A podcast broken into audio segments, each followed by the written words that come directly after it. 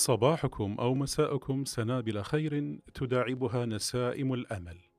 ونلتقي بكم مجددا في ضيافة بودكاست سنابل. سنبلة هذا اليوم اللطيف بصحبتكم قصيدة لمجتهد وضمير مستتر بعنوان إسماع الضمائر. لقد أسمعت لو ناديت حيا ولكن لا حياة لمن تنادي. ولقد أسمعت إذ ناديت حيا ولكن الضمائر غدت في سباتي. فلا دين تخشاه وبه تستقيم ولا قانون عدل تهابه الذمم المائلات. فحق للثعالب سكنى عرين لم تك في عصور المجد له ناظرات. وزان لجرائها التلذذ بقوت الخلق فلم تبق لها سوى فتات الفتات ألا يا دهر الخنوع متى تزول؟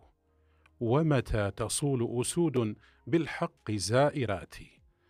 متى يصان للإنسان حق بعيش على أرض صادرت رزقها أشر الكائنات؟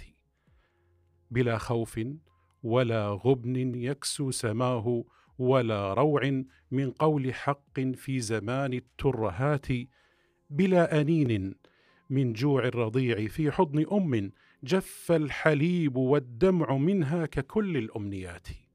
وعجوز ترقبت لقيا من ربته بحنان صغيرا فشب وشاب منه الرأس في غياهب الظلمات فهلا أسمع هذا القول القلوب أم جلمد في أدرانها مكتسات؟